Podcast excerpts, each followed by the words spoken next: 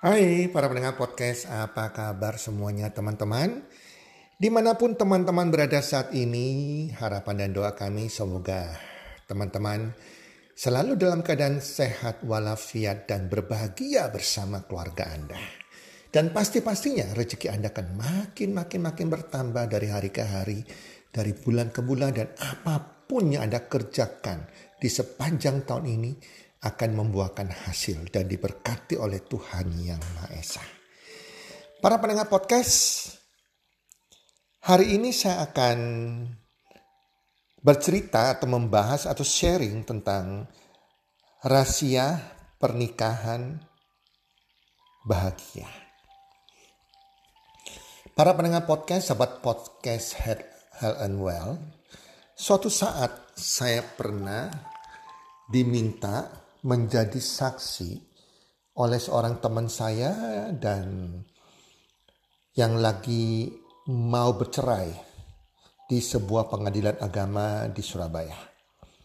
Dan itu pertama kali saya hadir sebagai saksi, tapi saksi saya bukan saksi yang untuk mendukung perceraian mereka, tapi saya mendukung jangan sampai terjadi perceraian. Nah, saya kaget sekali teman-teman. Karena hari itu, itu ratusan, seratus lebih orang-orang yang antri untuk sidang pengajuan kasus cerai. Seratus orang lebih dan saya tanya ya kepada penjaganya di situ, rupanya tiap hari demikian teman-teman. Puluhan bahkan ratusan orang yang antri cerai. Dan itu dari ada yang usia muda 20-an sampai sudah kakek nenek 70-an. Juga mengajukan perceraian. Itu fakta yang membuka mata saya bahwa wow ternyata membina sebuah pernikahan jangan sampai menjadi sebuah perceraian.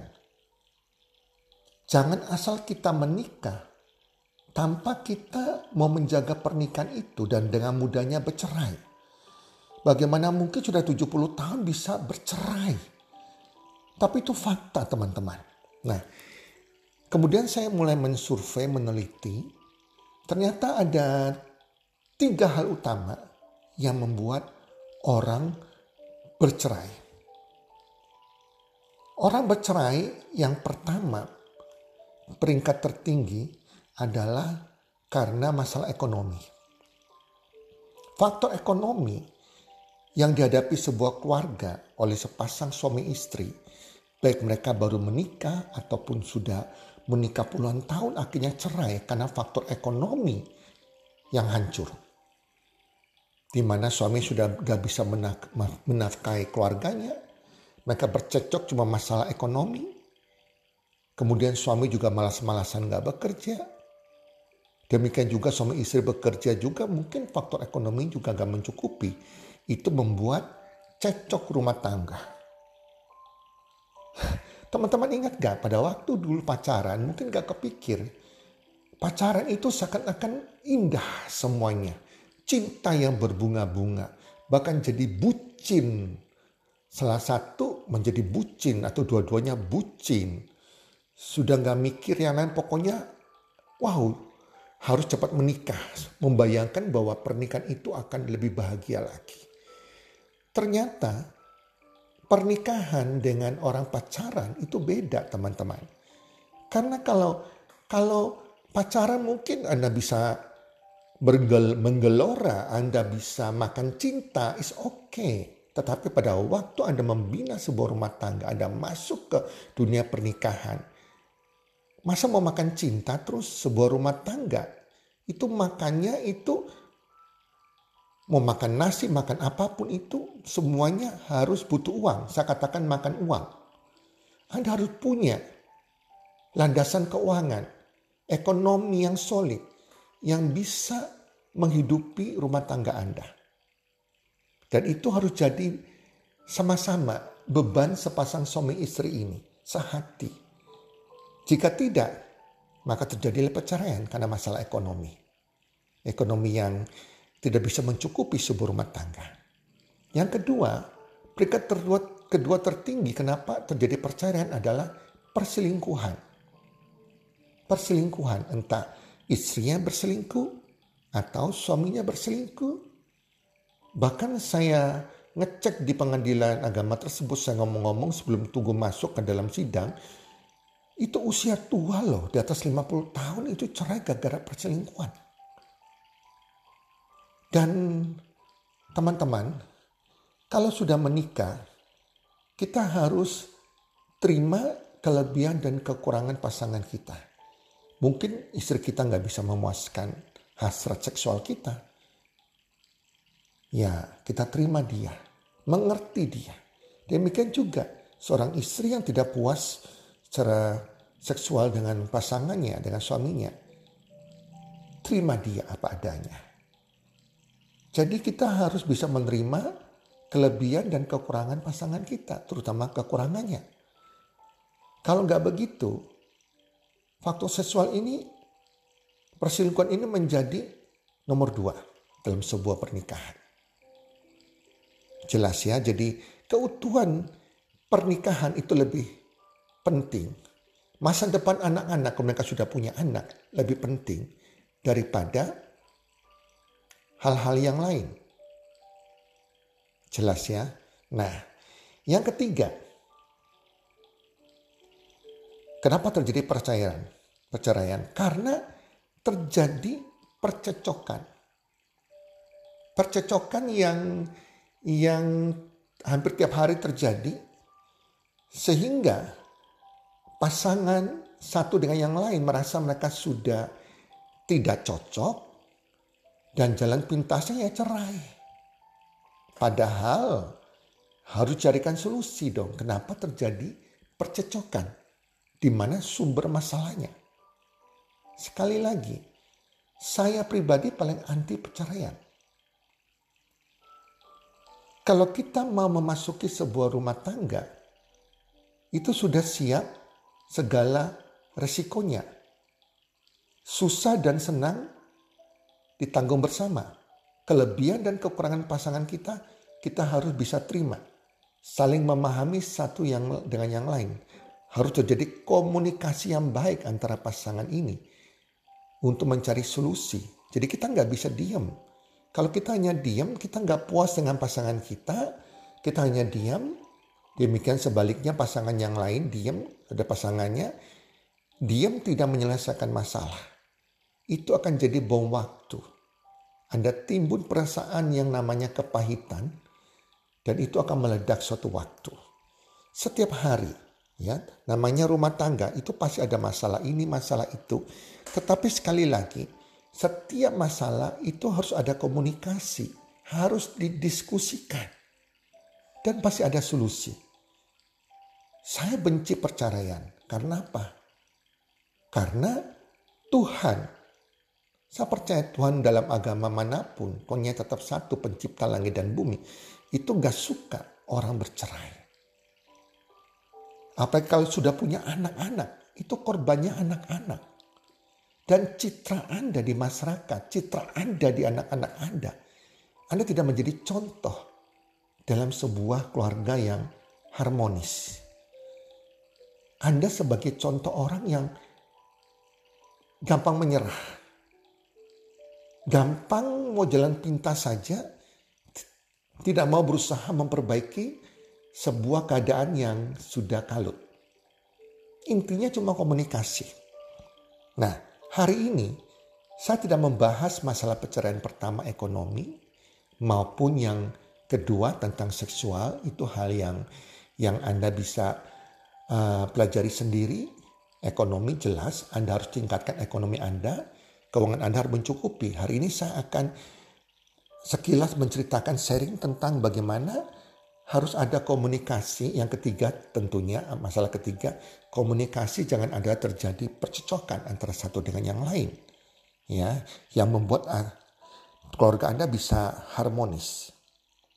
Bisa rumah tangga Anda tidak sampai cerai, malah rumah tangga menjadi bahagia.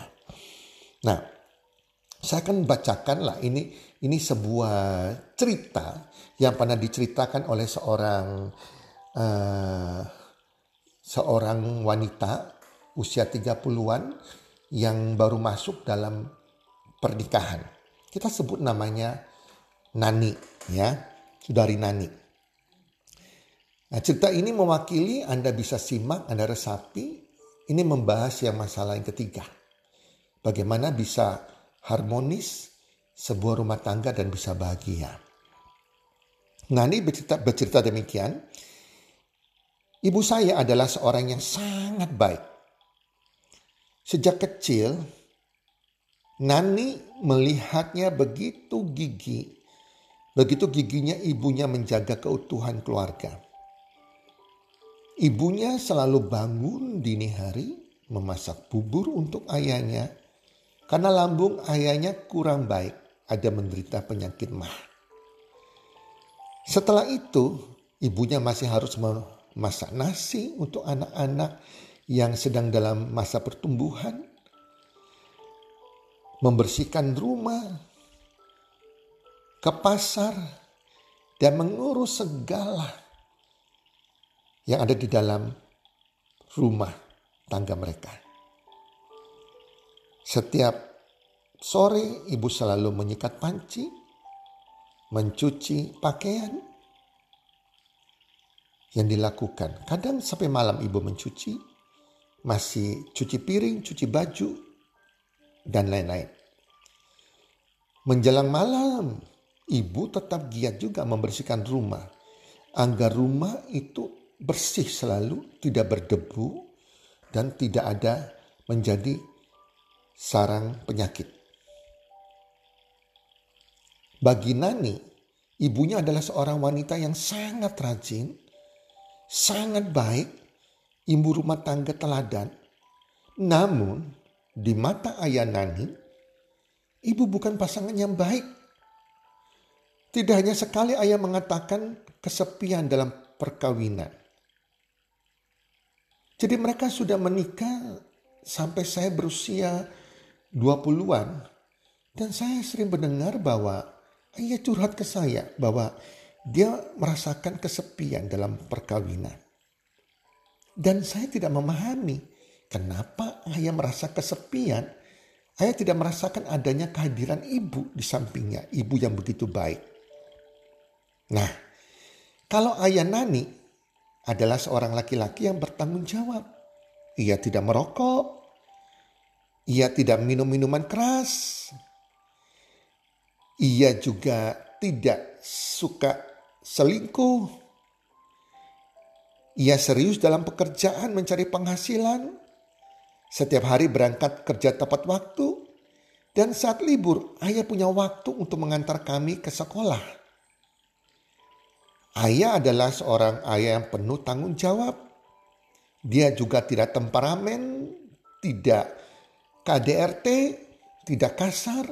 Dan ayah saya, ayah Nani, itu selalu mendorong anak-anaknya untuk berprestasi dalam pelajaran. Bagi Nani, ayahnya adalah seorang laki-laki yang baik di mata anak-anak. Ia besar seperti langit menjaga kami, melindungi kami, dan mendidik kami, kata Nani. Hanya saja di mata ibu, ayah bukan pasangan yang baik.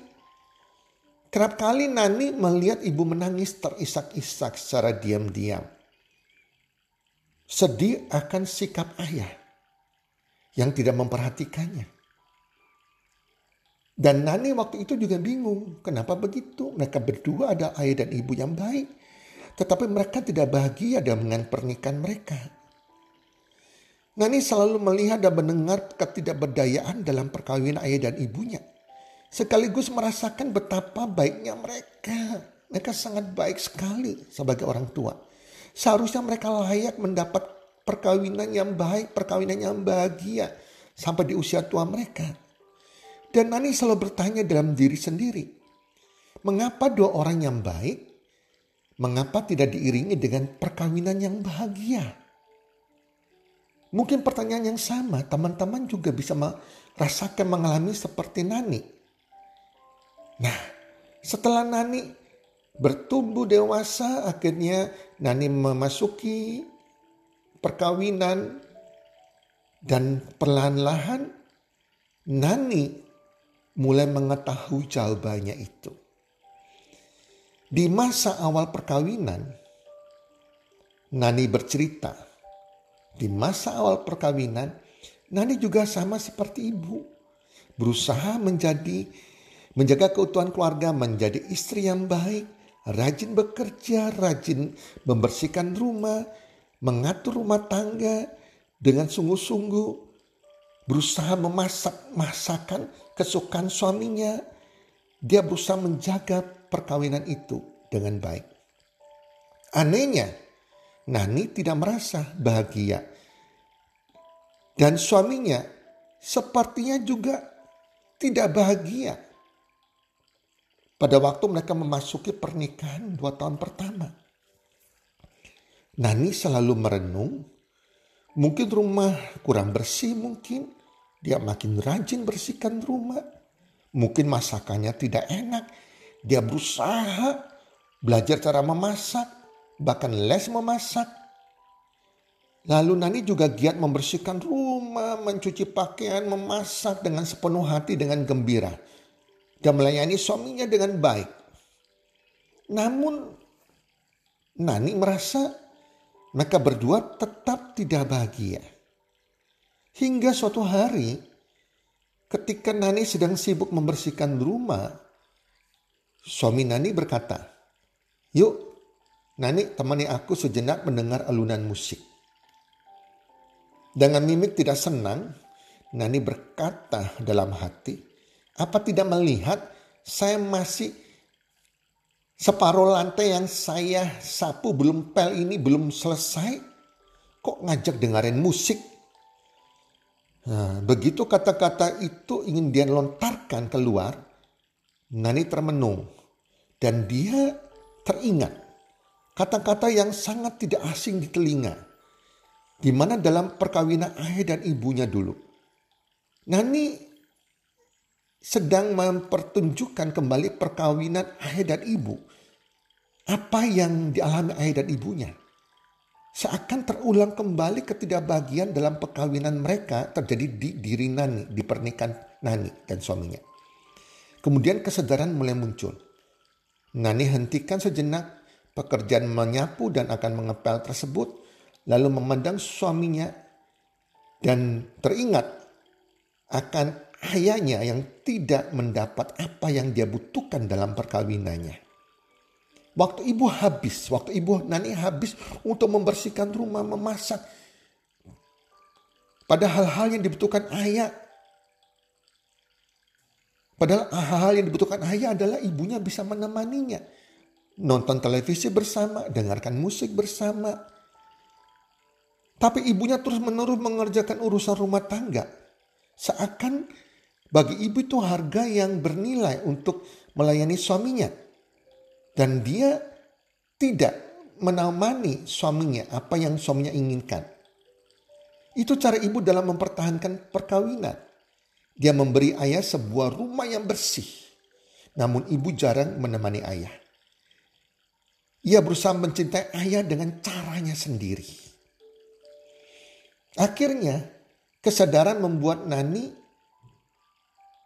membuat keputusan yang sama. Dia sadar apa yang dibuat ibunya itu kok sama dengan dia buat hari ini. Kemudian Nani berhenti sejenak dari pekerjaannya lalu duduk di sisi suami. Ia menemaninya mendengar musik. Dan dari kejauhan saat ia memandangi kain pel di atas lantai seperti menetapi nasib ibu. Lalu ia bertanya pada suaminya, apa yang kau butuhkan? Suaminya menjawab, Aku membutuhkanmu untuk menemaniku. Rumah kotor sedikit tidak apa-apa, ujar suaminya. Nah, Nani berpikir suaminya perlu rumah yang bersih. Memasak masakan yang enak dan lain-lain. Suaminya berkata, yang paling kuharapkan adalah kau bisa lebih sering menemaniku. Ternyata para pendengar podcast, Sia-sia semua pekerjaan yang Nani lakukan. Dia pikir itu cara dia membuat suaminya makin cinta padanya. Hasilnya benar-benar membuat Nani terkejut. Akhirnya Nani dan suaminya meneruskan menikmati kebutuhan masing-masing dan baru mereka sadari, Nani baru sadari ternyata dia juga telah banyak melakukan pekerjaan yang sia-sia. Mereka suami istri memiliki cara masing-masing bagaimana mencintai, namun bukannya cara yang diinginkan pasangan mereka. Sekali lagi, mereka berdua sama-sama memiliki cara masing-masing bagaimana mencintai, cara masing-masing mencintai. Namun, bukannya cara yang diinginkan pasangan mereka. Sejak itu Nani menderetkan sebuah daftar kebutuhan suami dan meletakkannya di atas meja Begitu juga suaminya, dia menderetkan menulis semua daftar kebutuhannya. Puluhan kebutuhan yang panjang dan jelas rinci, misalnya waktu senggang menemani pihak kedua mendengar musik, saling memeluk setiap pagi, memberi sentuhan selama jalan bila berangkat, memberikan pujian, dan seterusnya. Itu kebutuhan panjang suaminya. Nah, beberapa hal cukup mudah dilaksanakan tapi ada juga yang sulit misalnya dengarkan aku jangan memberi komentar. Nah itu adalah kebutuhan suami. Suami meminta kalau kalau suami berbicara atau menasihati diminta si Nani dengar jangan langsung kasih komentar. Nah kalau Nani memberinya usul dia bilang dirinya merasa tampak seperti orang bodoh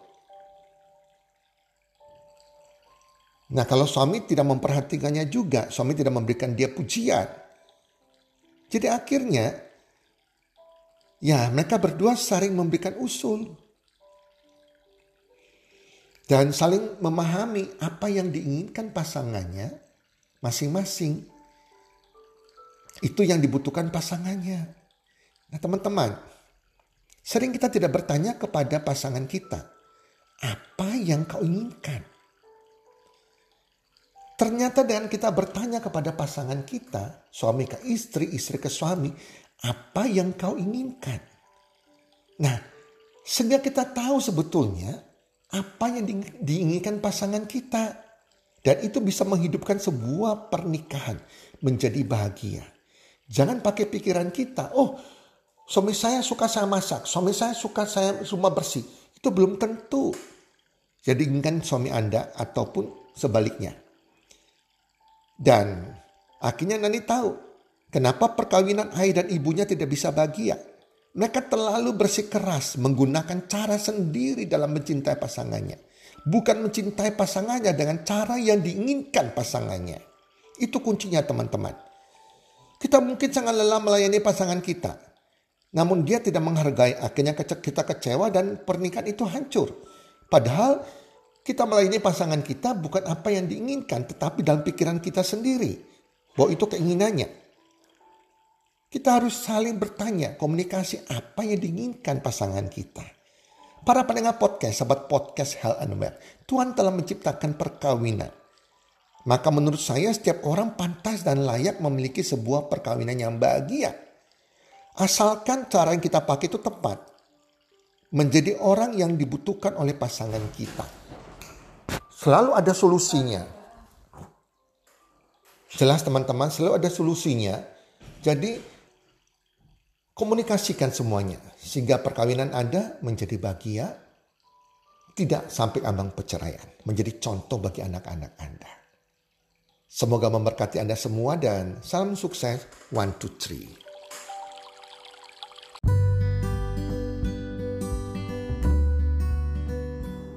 Terima kasih sudah mendengarkan podcast kami.